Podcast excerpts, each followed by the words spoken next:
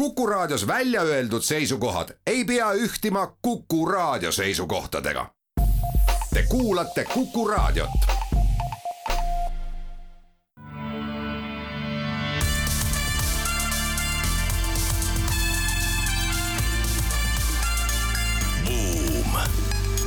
buumile annab hoogu SEB Pank seitse minutit, üks läbi, oleme taas eetris Buumi saatega, saatejuhid Anto Liivat ja Raivo Vare. tänase saate esimeseks uudiseks on kõik see, mis puudutab madalat veetaset Euroopa jõgedes. Ja see omakorda raskendab kaupade transporti ja süvendab energiakandjate nappust veelgi. Teise uudisena räägime me sellest, et Euroopa Liit on määranud uued prioriteedid transpordivõrgustikku, mida tuntakse programmi all TEN-T arendamisel, seal on väga olulisi muudatusi ja pikema aja peale suunatult, aga sellest lähemalt hiljem räägime ka sellest, et Amazon ostis ühe koma seitsme miljardi dollari eest robottolmuimejate tootja, et saada veelgi paremini teada, mis inimeste kodudes toimub. ja siis räägime me sellest, mis on juba mõnda aega tõmmanud tähelepanu rahvusvahelises meedias, nimelt Saudi kroonprintsi ja faktilise äh, valitseja Mohammed bin Salmani poolt kavandatud megalinna neomehitus ja sellega, selle ümber toimuv, mis teadupärast ei kulgegi nii libedalt, see tuleviku loomine, nagu arvata võis meie tänane saatekülaline on äh, Martin äh, Sillasoo SEB pangast ning Martiniga arutame Euroopa energiaturu teemadel ennekõike ja kõige rohkem räägime gaasist.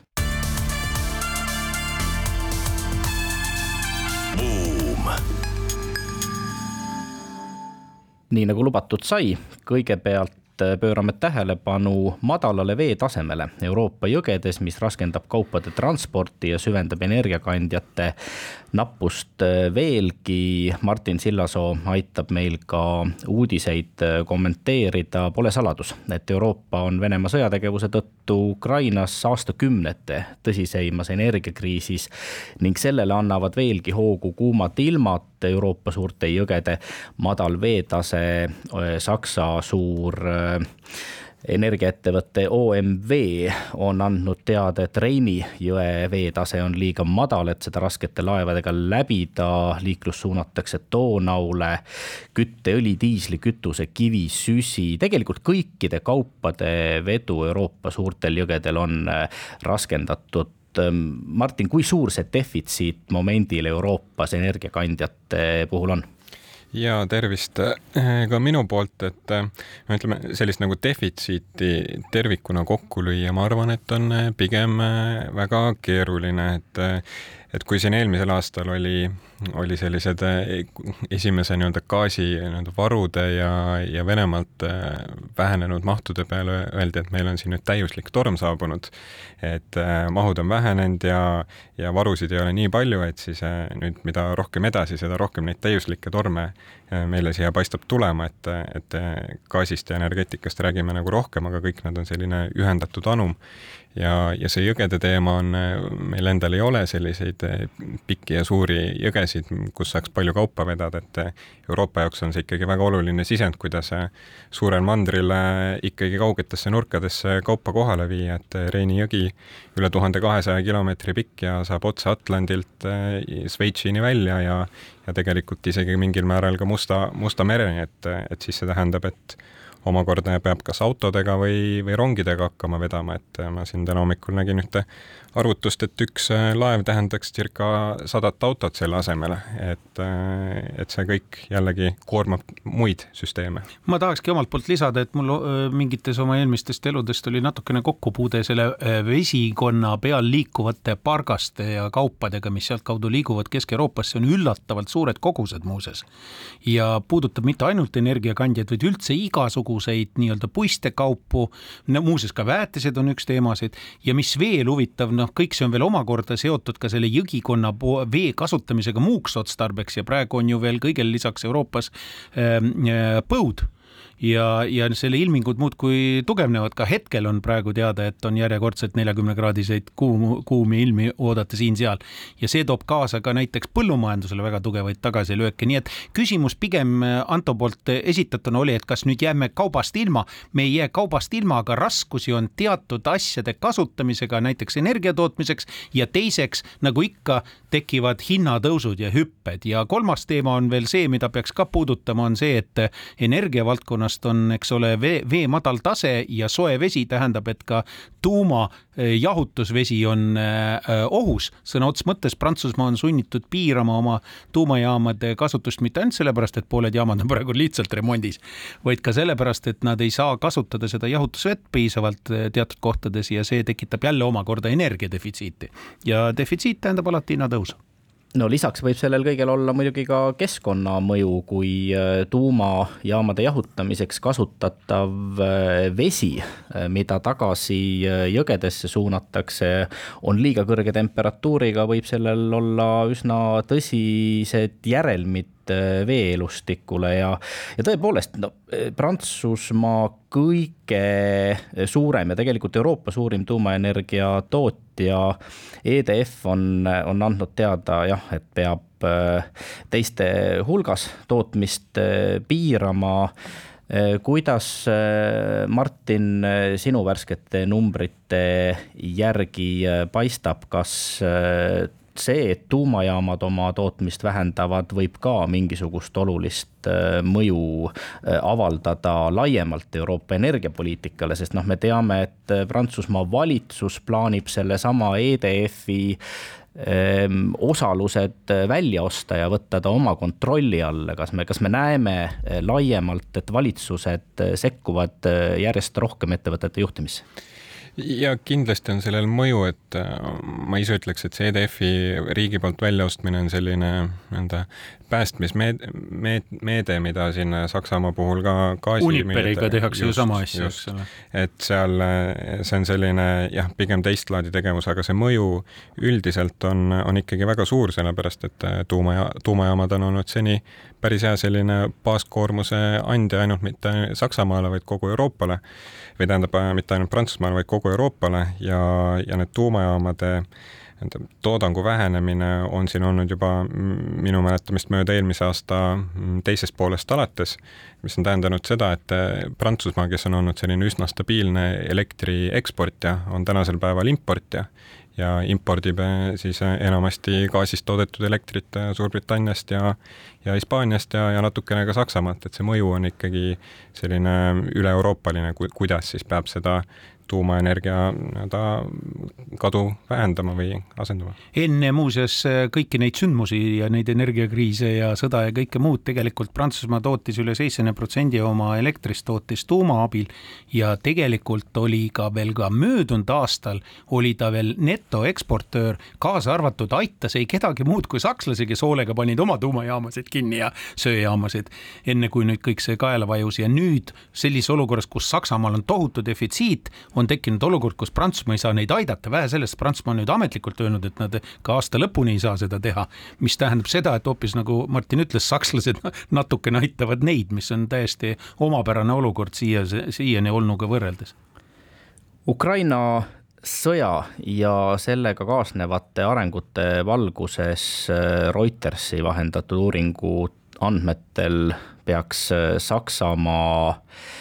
jääma ilma pea kolmesajast miljardist äh, dollarist äh, kuni siis aastani kaks tuhat kolmkümmend. Peamised põhjused on needsamad kõrged energiahinnad, aga ka negatiivne mõju äh, tööturule energeetikast ja kõigest sellega seonduvast räägime pikemalt Martin Sillasooga intervjuu plokkides, nüüd aga kuulame ära kaubanduslikud teadaanded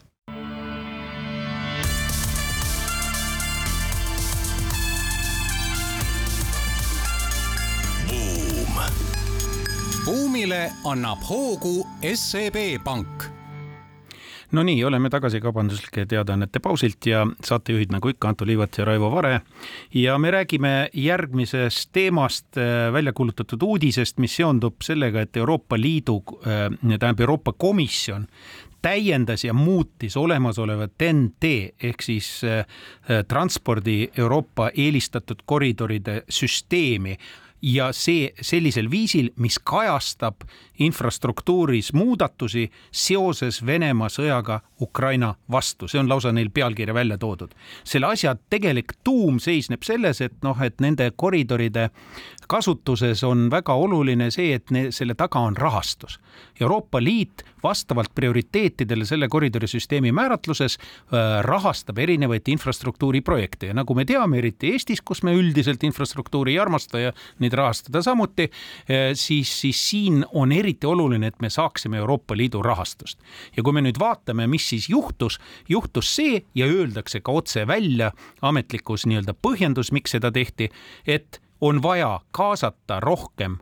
pärast Ukraina äh, sõja, sõja vallandumist Ukrainat ennast infrastruktuuri, transpordi infrastruktuuri arendamisse ja, ja sealse infrastruktuuri arendamisse ja ühendamisse Euroopa omaga ning samuti Lõuna-Euroopa, ka Moldova kaasamist ja, ja, ja, ja muidugi samal ajal, mida öeldakse kohe, on, on, et ei prioritiseerita enam piiriüleseid taristulisi ühendusi ei kellegi muuga kui muidugi Venemaa ja Valgevenega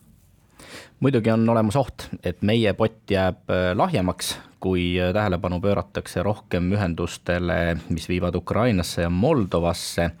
samas äh, esialgu tõmmatakse siiski veel vaid kaardile jooni, loomulikult oleme meie Eestis mures Rail Balticu rahastuse pärast, aga neid konkureerivaid projekte on ju veel, ennekõike poolakate ja leedukate poolt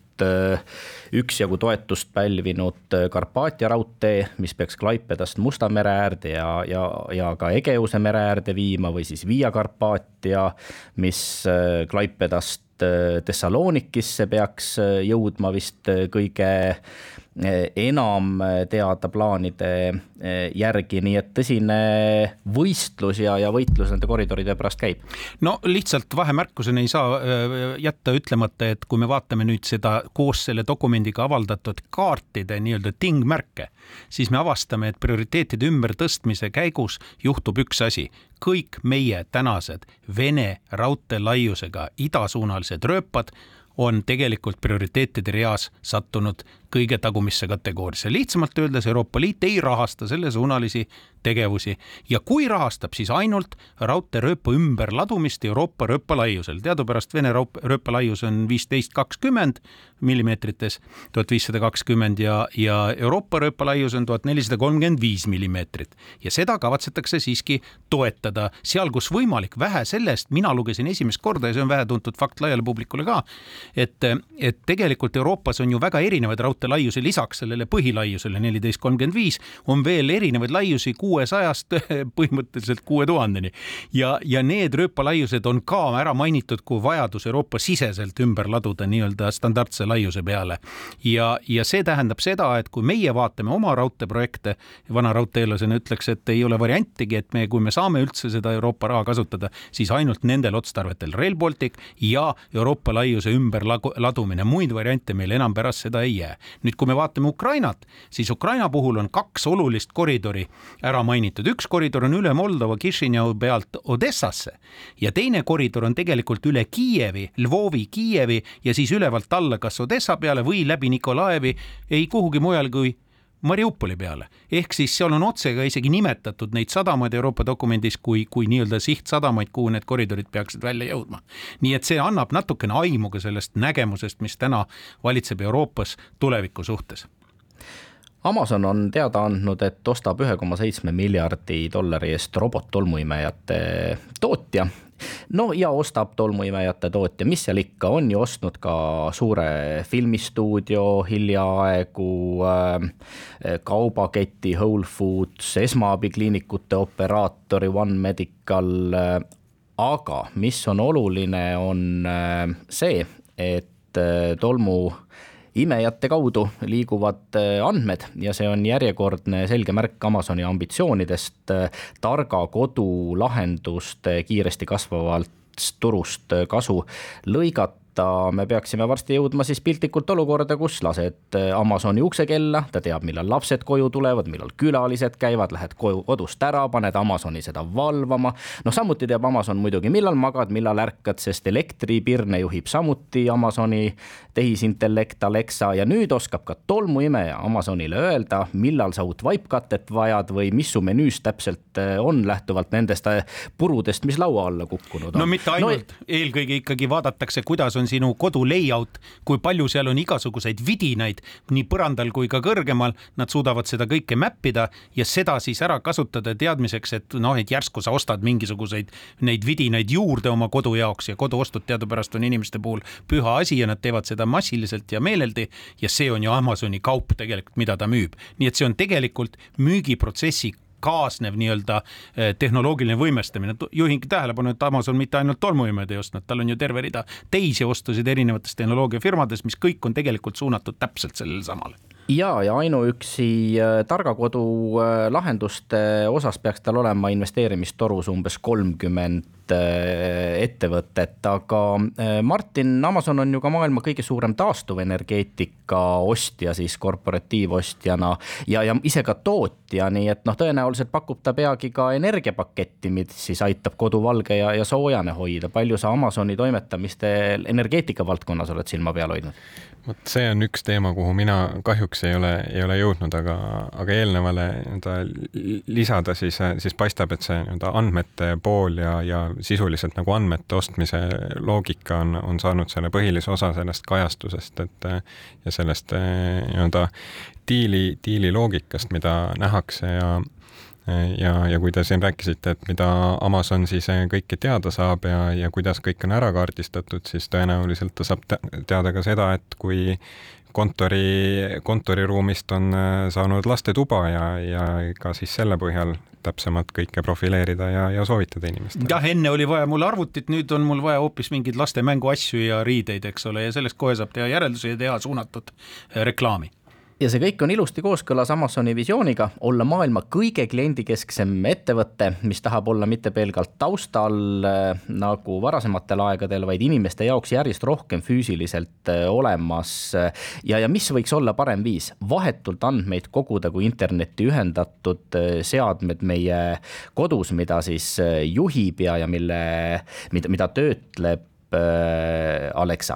aga jõuame ühe uudise siia lõppu veel rääkida, Saudi kroonprintsi megalinna ehitus äh, ei lähe kuigi libedalt viimaste uudiste kohaselt, tegemist on siis Neomi nimelise poole triljoni või viiesaja miljardi dollari suuruse megalinna projektiga. see on kõige väiksem taga, tagasihoidlik arvutus, mingite arvutuste järgi võib see minna triljoni maksma või, või jah, ehk siis kaks korda rohkem. noorhärra on ju alles kolmekümne kuue aastane, aga väga ambitsioonikas, ehitades mitte ainult sinna kõrbesse Belgia suurust linna, aga püüdes laiemalt Saudi Araabia majandust Äh, innoveerida ja Saudi Araabia on ju välja öelnud, et nende eesmärk kahe tuhande kolmekümnendaks aastaks on pool äh, energiast, äh, mida nad tarvitavad toost, toota taastuvallikatest. see on tõsi, aga see kaks tuhat seitseteist, kui esimest korda Neomi projekt välja kuulutati, äsja just sisuliseks Saudi Araabia valitsejaks saanud prints MBS ehk Mohammed bin Salmani poolt, siis sel hetkel tegelikult noh, oli see projekt natuke teistsugune ja siis kujutati ette seda oluliselt väiksemas mastaabis, kuigi ka väga ambitsioonikana ja tegelikult see kõik on seal vasta Jordaania piiri suhtes, kui kaardi peal vaadata ähm, äh, loode nurgas äh, täielikus tühjas kõrbepiirkonnas, kus üldiselt ka nagu öeldakse, ka vähe saude on üldse kohal käinud. Äh, selle projekti jaoks puhastati maad, mis muuhulgas tähendas ka kahe linliku asula mahavõtmist ja, ja ka inimeste väljaajamist sealt kohalikku suguharu ja, ja, ja ka vastupanu nii-öelda mahasurumist jõuga, kuid kõigele lisaks oli selle projekti eripära selles, et algusest peale oli see nagu rekreatiivne projekt oma iseloomult ja see Silver Bay projekti algne faas, mis kutsutakse, see oli siis mõeldud rohkem nagu noh, puhkamise meeldiva elukohana. nüüd see projekti arendus, millest nüüd me räägime, on juba tegelikult kolmas versioon ja see juba näeb ette kuni viiemiljonilist linna, sealhulgas liinina üles ehitatud umbes Empire State Buildingu kõrguse kahe maja paralleelset kulgemist, mille vahel on omaette klimaatiline tsoon pärapõrgulikus ja ülikuumas kõrbes ujudes ja siis kõigele muul lisaks on kõik kommunikatsioonid viidud alla, kõik on, seal autod ei käi, seal liiguvad ainult rongid ja muuseas ujudes liiguvad tänavatel ka inimesed, nii on seda ette kujutatud, kujutage ette. ja ainult siis, kui on vaja kaugemale sõita, saja kilomeetri kaugusel näiteks teise linna otsa, siis minnakse Alma raudteega sinna, kiirraudteega loomulikult. Autokraatia jõudu ei maksa muidugi alahinnata, kolmkümmend aastat tagasi oli ka Dubai äh, pelk kõrb, aga konsultantide nõustajate jaoks on Neomi näol tegemist tõelise kulla auguga, samal ajal kui lihtsamat tööd tegevad ehm, inimesed, kes on välisriikidest tihtipeale sinna toodud, kurdavad halbade töötingimuste üle. aga jaa, spetsialistid tunnevad sellest rõõmu. Martin, kuidas sulle paistis, kas tegi kadedaks ja, ja tekkis tunne, et võiks Saudidele nõu anda küll? No kui ma Google Mapsist korra vaatasin, et mis seal praegu valmis on, siis seal olid mõned villad, et see osa võib-olla teeb kadedaks küll, et aga, aga neid villasid oli seal üksikud, mõned paistis nagu sellised veel toetusmajad ja siis laohooned, aga eks sellised noh, suured projektid, nendega võibki kaua aega võtta, aga aga eks need erinevad naftariigid seal Araabias proovivad ikkagi vähemalt midagi sarnast oma, oma mõtetes saavutada, mida meile siin lähedal Norra on saavutanud, et nemad on ikkagi oma varasid aastakümnete jooksul päris hästi kasutanud. seal on muidugi ka üks poliitiline dimensioon, me oleme majandussaates ja sellest ei peaks rääkima väga palju ja sellest väga palju ka ei räägita, aga selle visiooni realiseerimine, tulevikulinna visiooni realiseerimine MBS-i poolt, muuhulgas tähendab, et peaks olema saavutatud Palestiina ümbruses suhteliselt rahulik keskkond ja see on omaette saavutus, arvestades, et Saudi Araabia on olnud üks nii-öelda äh, nendest äh, katlakütjatest selle Palestiina temaatikaga seoses. Ja ärme unusta, et ega seda megalinna ja uute tehnoloogiate katsetamist, arendamist äh, Saudi Araabia projektides ei teostata ju ainult saudide enda rahaga, seal on juures suured investeerimiskehad BlackRock ja, ja, ja paljud äh, teised, nii et kindlasti on sellel ka laiem äh, poliitiline mõõde. ja see on ka jõuam... katsetus, see on katsetus, ma vabandan, Anto, see on katsetus tegelikult luua ei milleski, nagu öeldakse inglise keeles scratch'ist, luua mingisugune tulevikunägemus terviklahendusena. see saab olema selles mõttes huvitav eksperiment inimkonna jaoks tervikuna ja see on ka põhjus, miks me kindlasti hoiame Neomi arengutel Buumi saates tulevikuski silma peal. nüüd aga taas kaubanduslikud teadaanded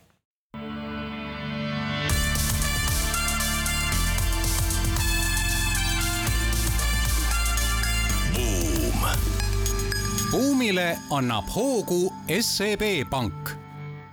Oleme tagasi Buumi eetris, saatejuhid Raivo Vare ja Anto Liivat ning meie külaliseks on SEB Panga finantsturgude riskinõustaja Martin Sillasoo. räägime intervjuu plokkides energeetikast ja ennekõike gaasist SEB panga andmetel on Venemaa jooksvad gaasitarned Euroopasse vähenenud võrreldes kahe tuhande üheksateistkümnenda aastaga seitsekümmend protsenti.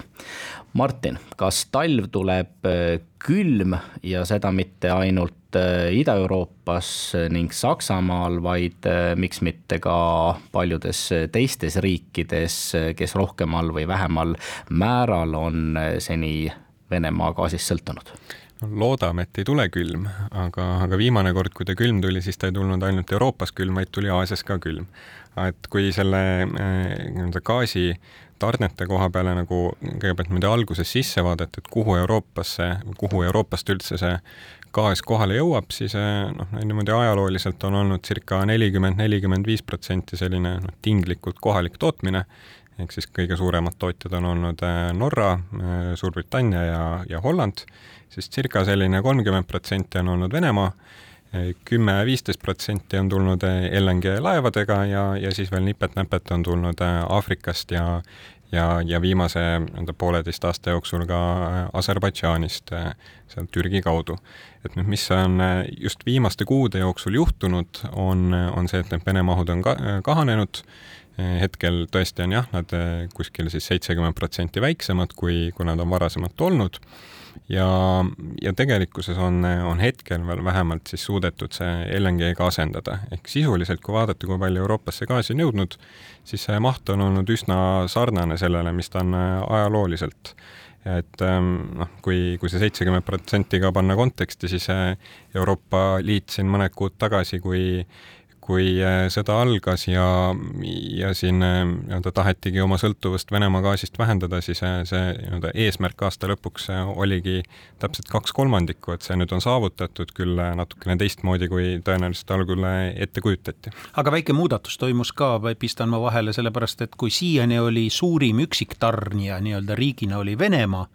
ja ta mingil hetkel nüüd tipus saavutas ligi neljakümne protsendilise osakaalu, millest siis Saksamaa ja mõned teised nägid veel suuremaid numbreid, siis, siis nüüd tekkis esimest korda olukord, kus Euroopasse tarnitud äh, maagaasi hulgalt vedelgaas, mis tuli Ameerikast, läks mööda Vene gaasi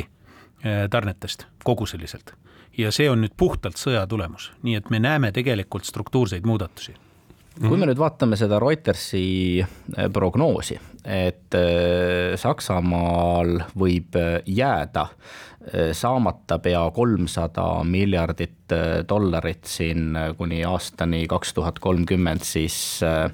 me peaksime vististi aru saama, miks sakslased on olnud niivõrd ettevaatlikud, vähemalt oma poliitilises retoorikas selles osas, mis puudutab ka relvade tarnimist Ukrainasse ühelt poolt kindlasti, aga kui, kui see number Saksamaa enda konteksti panna, siis see on äh, seitsme aasta peale ja, ja kokku umbes seitse protsenti ühe aasta SKP-st, et äh, ütleme, selline prognoos vähemalt on, on üsna selline konservatiivne ja ei tohiks äh, nagu olla ületamatu, et siin on ikkagi tegelikult palju suuremate numbritega siin selle aasta ja, ja järgmise aasta kontekstis räägitud, et kui, kui täielikult gaas kinni panna, et siin mõned analüütikud on isegi siin viieprotsendilist või, või, või suuremat majanduslangust Saksamaale nii-öelda. no ma olen näinud, ma võin loetleda, tähendab viis protsenti on olnud number, ma olen näinud kolm protsenti Saksa analüütikute numbrit, ma olen näinud üks koma seitse protsenti, aga pange tähele, see ei ole mitte langus, vaid vähenemine. tähendab, see on siis, äh, pange sinna vahele ka veel äh, delta kasv. Noh, mis muidu oleks olnud seal üks-kaks protsenti, ehk siis tegelikult see vähenemine ei ole nii suur, nagu need lõppnumbrid on. Ja antud juhul siis ühe koma seitsme protsendilise prognoosi puhul, mis viimaste hulka kuulub, näitab see laias laastus, arvestades, et kõik on juba kohanemist toimunud, see näitab tõenäoliselt äh, kui siis äh, stagnatsiooni või siis väikest langust, mitte nii suurt, et lausa viis protsenti skp kukub lisaks sellele ärme unusta, et et äh, kõrget energiahinda tuleb riikidel ka kompenseerida tarbijatele, hiljaaegu on IMF avaldanud blogipostituse energiahinna dotatsioonidest Euroopas ja väidab, et Euroopa ei jõua või mitmed riigid ei jõua juba kehtivaid ja otsustatud lausalisi toetusi kinni maksta või, või vähemalt läheb see neile väga kalliks maksma mitmetes riikides enam kui poolteist protsenti äh, SKP-st äh, moodustavad need toetused nii see on ja me mingil määral näeme ka seda enda juures, et ega me lõpuni ei tea, et kui suur see riigieelarvele meil näiteks ka see energiatoetus ja gaasitoetus sinna järgmise talve jooksul saab olema, aga kahjuks see on selline üks vähestest ajutistest meetmetest, mida me rakendada saame, et et me siin järgmise poole aasta jooksul endale selliseid täiendavaid võimekusi või väga suurt nagu ümbervahetust millegi muu peale kahjuks ei jõua teha, et need protsessid on väga mitme aasta peale laiali jaotatud. Ja ma, ma lisaks veel siia selle,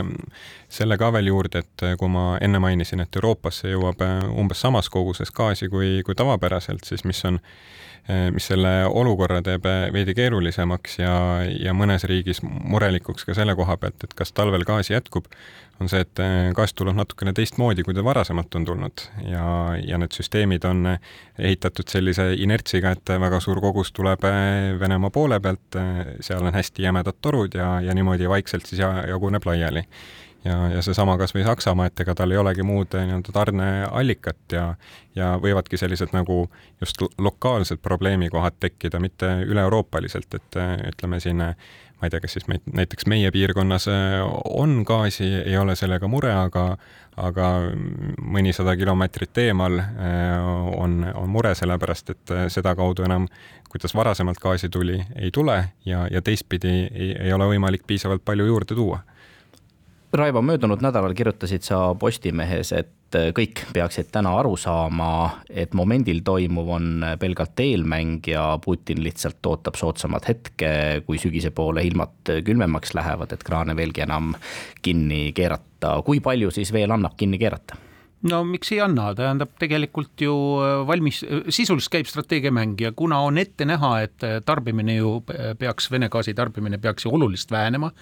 ja Venemaal endal seda gaasi nii-öelda ümber suunata erinevalt õlist ja, ja naftatoodetest ei ole nii kerge tehnilistel põhjustel, millest me oleme ka vist põgusalt siin saates rääkinud, siis selle tulemusena ta üritab siis nii-öelda saavutada oma väljapressimise eesmärke enne, kui see ümber,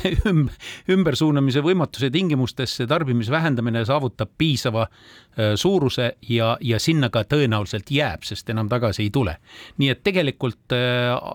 ma arvan, et see ei ole isegi valik, vaid see on lihtsalt selle geopoliitilise mängu üks komponent ja kuna Venemaa ei kavatse, vähemalt Putini näol ei kavatse järgi anda ja mängida seda geopoliitilist mängu edasi, siis ta tõenäoliselt teeb seda kas või kõri peale astudes oma gaasitööstusele. võtame näiteks Gazpromi, kelle jaoks on täna kolmandik äh, nii-öelda tootmisest ohus ja kui nad räägivad sellest, et nad ja kümme protsenti protsenti on juba nii-öelda kukkunud eh, ekspordikogused siin mõni aeg tagasi numbritega, nüüd on see juba vast, vast varsti kahekümne protsendi juures. aga ümbersuunamise kohta on Putin öelnud, et hakkame nüüd väetisi rohkem tegema ja oma gassifitseerimist seal riigis, aga muuseas juhin tähelepanu, et ka see võtab aega. reaalseid võimalusi tegelikult mul väetisinimesed ütlevad, et nii palju ei ole ja gassifitseerimine ka riigisiseselt, mis siiani on ju tegemata Venemaa kui ka gaasitootja number kaks ja gassifitseerimine puudu, seda tegelikult ka üleöö ei tee, nii et tegelikult see gaas jääb üle, lõpetatakse selle gaasi tootmine ja uuesti selle taasavamine saab olema suhteliselt keeruline, aga mis siis, geopoliitika on Venemaal alati tähtsam kui majandushuvid. Martin, Martin, räägime natukene hindadest äh, ka kui kõrgele gaasi hind võiks käesoleval aastal tõusta ja kuivõrd erinevaks kujuneb gaasi hind Euroopas äh, regiooniti?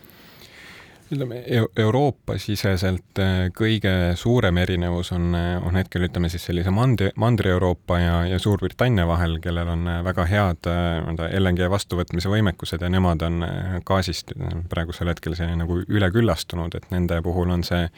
hind circa siin kolmkümmend protsenti sood-, soodsam hetkel kui, kui muul Euroopal. Ja ütleme, selline veel globaalsemas vaates, noh, Ameerikas on hinnad siin minu, minu meelest seitse-kaheksa korda hetkel madalamad ja, ja isegi Aasias on nad mõnikümmend protsenti madalamad, et et kui jätta see Euroopa kontekst või võtta see Euroopa nagu tervikuna ja, ja mida see Venemaa mahtude vähendamine tähendab, on see, et sisuliselt see gaasikogus on kogu maailma nii-öelda energeetikasüsteemist kadunud. Neil ei ole võimalik seda mujale suunata ja, ja see on ka põhjustanud need kõrged,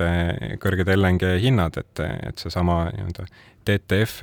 mida, mida siin räägitakse ja, ja mille põhjal need hinnad täna kujunevad, ongi globaalne LNG, mis siis peab hakkama saama sellises olukorras, et Euroopal on väga suur surve osta sisuliselt maailm tühjaks hetkel LNG-st ja Euroopa peab siis kõik teised üle pakkuma, et on viimastel kuudel olnud selline nagu hea seis ka selle koha pealt, et Aasia poole pealt ei ole olnud konkurentsi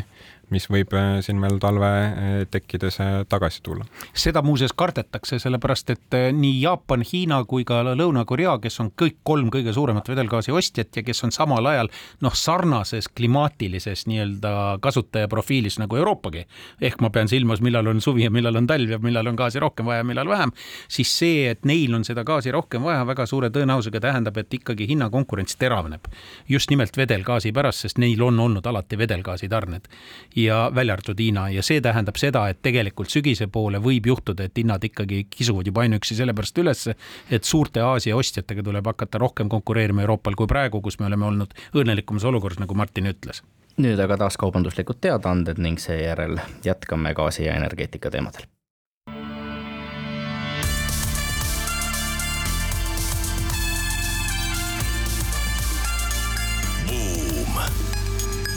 buumile annab hoogu SEB Pank oleme tagasi Buumi eetris, saatejuhid Raivo Vare ja Anto Liivat. meie saatekülaliseks on SEB finantsturgude riskinõustaja Martin Sillasoo, räägime energeetikast. IMF-i andmetel mõjutab energiahindade kasv Eesti leibkondi teistest Euroopa riikidest kõvasti enam nii väikese kui ka suure sissetulekuga leibkondi, aga väikese sissetulekuga leibkondi tõenäoliselt kõige enam kogu Euroopas väidetavasti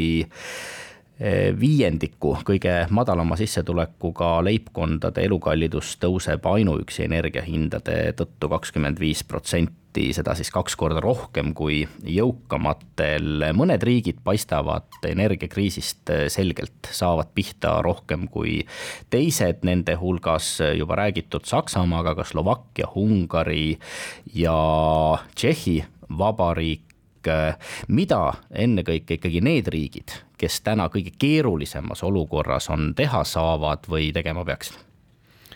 Noh, laias laastus on, on need valikud siin eh, lühiajaliselt eh, üsna piiratud, et, eh, et nende konkreetsete riikide puhul neil täiendavaid nagu võimekusi kuskilt juurde ehitada, et nad saaksid rohkem gaasi, sisuliselt ei ole, eks siin Euroopa Liidu sees kuidagi on võimalik siin teiste riikide juurest nende juurde äkki suunata aga, aga ikkagi paistab, et eriti veel, kui, kui olla valmis selliseks külmemaks talveks, siis, siis mingisugusel määral on, on vaja tarbimist piirata ja, ja siis nüüd ongi küsimus, et kas seda tarbimist suudetakse piirata ja alternatiive leida siis niimoodi kontrollitult, et mõni tehas läheb üle alternatiivsele kütusele või kaugküte või see tuleb, tuleb kuidagi juhituna, mis on tõenäoliselt selline halvem valik. aga muuseas, selle alternatiivide minimiseerimise huvides selles suures strateegia, geostrateegia mängus äh, Venemaa poolt on ju tegelikult just nimelt nimetatud Kesk-Euroopa riikidele äsja Venemaa vähendanud alternatiivsete kütuste, äh, nüüd naftapõhiste kütteliikide tarnet äh, järsult ja, ja, ja, ja see tähendab ka mitte midagi muud kui katset neid veel rohkem survestada, sest neil ei ole ka merd, nagu me teame, nende juurdepääsud nii-öelda alternatiivsetele tarnekanalitele kanalitel on väga piiratud ja see on parim võimalus praegu seda nii-öelda just nende kaudu survestada eurooplasi tervikuna. Martin tahab lisada jah, et eh, ega meil siin iga riik eh, toimetab niimoodi vaikselt ja, ja rahulikult omaette, et eh, ma arvan, et väga palju mujal ei teata, mida meie siin Eestis teeme, et meie Eestis nii-öelda tarbimise vähendamine käib suuresti, paistab, et kaugkütte viimisele põlevkiviõlile. me noh, me reaalsuses ei tea, et mida tehakse Lätis ja Leedus, me näeme, et numbrid on vähenenud, Soomes täpselt samamoodi. et, et mingil, mingil määral see tõehetk ikkagi jõuab kätte alles sügisel või talvel, et palju need numbrid on vähenenud ja, ja millist, millist siis alternatiivid üldse on leitud irvhambad ütlevad, et rohepöörde võib nüüd pausile panna. mul ettevõtjatest sõbrad jagasid eh, sotsiaalmeedias eh, privaatselt meemi, kus pildi peal oli rohelist värvi auto ja juures kiri, see auto on roheline. et see pidigi nüüd olema uutmoodi rohepööre, me teame, et eh, söejaamad töötavad endiselt ja juhitavatest võimsustest pääsu äh, ei ole. samal ajal, kui me vaatame, mis toimub äh, taastuvenergeetika ettevõtete ümber, siis äh, üks Taani suur ettevõte müüakse tõenäoliselt kahe miljardi dollari eest ära, tegemist on biogaasi ettevõttega, millele nii Shell kui BlackRock hammast tihuvad, aga kosilasi on teisigi. Ähm, investeerimisfondid siiski paistavad vaatavat endiselt taastuvenergeetika poole ja nende ettevõtetega, mis selles valdkonnas toimetavad, äh, kaubeldakse üsna heade hindade juures ja seda kindlasti, et mm, eks siin on proovitud neid põhjuseid äh, otsida, et äh, miks me sellisesse olukorda just oleme jõudnud energeetika poole pealt ja ja kas on äh, rohepööre selles süüdi, et noh, mingil määral just selline nagu ESG pool või kus, kuidas on nagu suunatud rahasid just sellistest fossiilsetest kütustest välja, on mingisuguse teatava mõjuga küll aga, aga noh, pikas plaanis meil ei ole ka muud äh, alternatiivi, et et kui me nüüd mõtleme kahe viimase aasta peale üldse, mis meil on maailmas toimunud, et kui me pandeemiast juba alustame, et et noh, see, see maailma majandus on üles ehitatud võib-olla natukene teistmoodi käituma, kui me nüüd viimased kaks aastat oleme näinud, et et inglise keeles on selline selline väljend nagu või noh, et et majandus peab toimima niimoodi, et, et koheselt kõik peab olema kättesaadav, mitte et varudele ehitatud, et siin kolleegid on kasutanud sellist terminit, et et see majandus peab muutuma Ferrarist üheks suureks ja tugevaks maastuniversaaliks, mis peab kõigile vastu ja, ja taastuvenergia ja, ja sellega kaasas siis erinevate nii-öelda energia Äh, salvestamisviiside äh,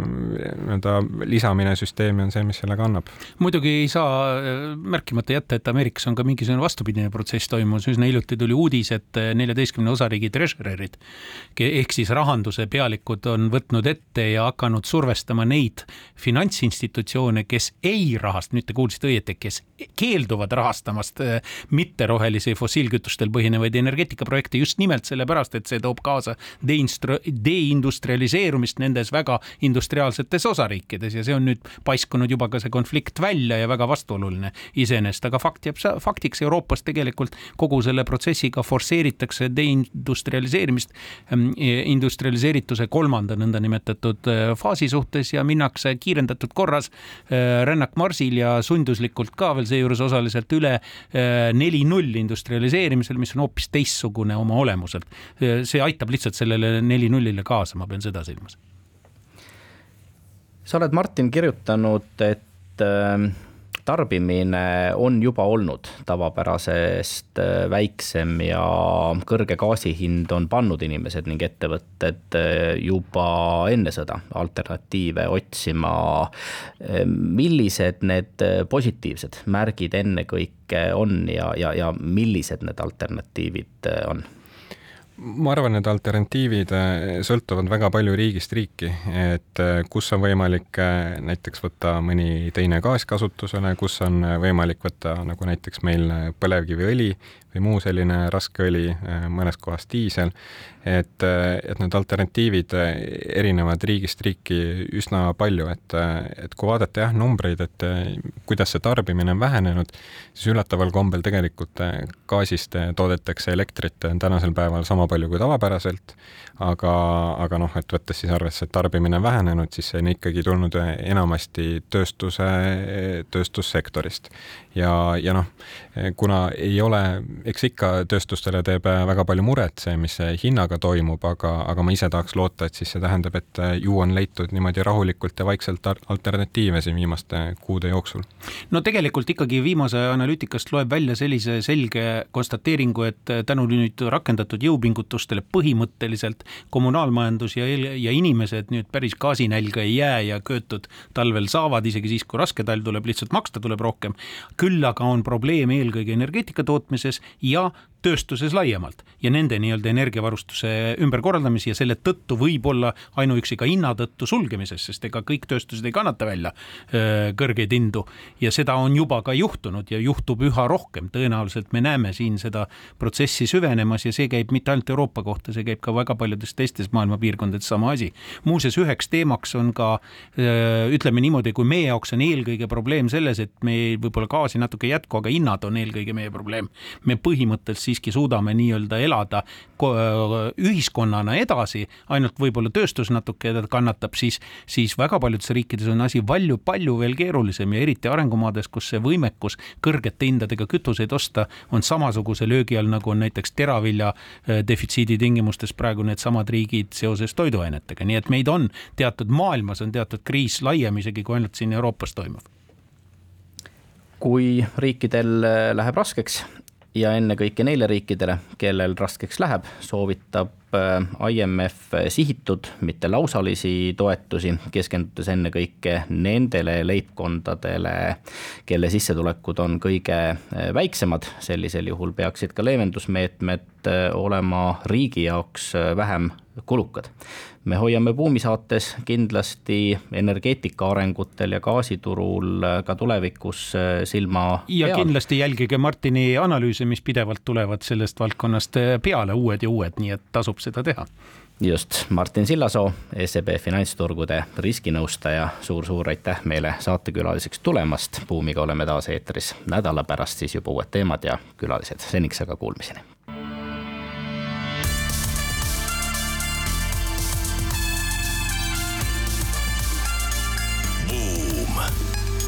buumile annab hoogu SEB Pank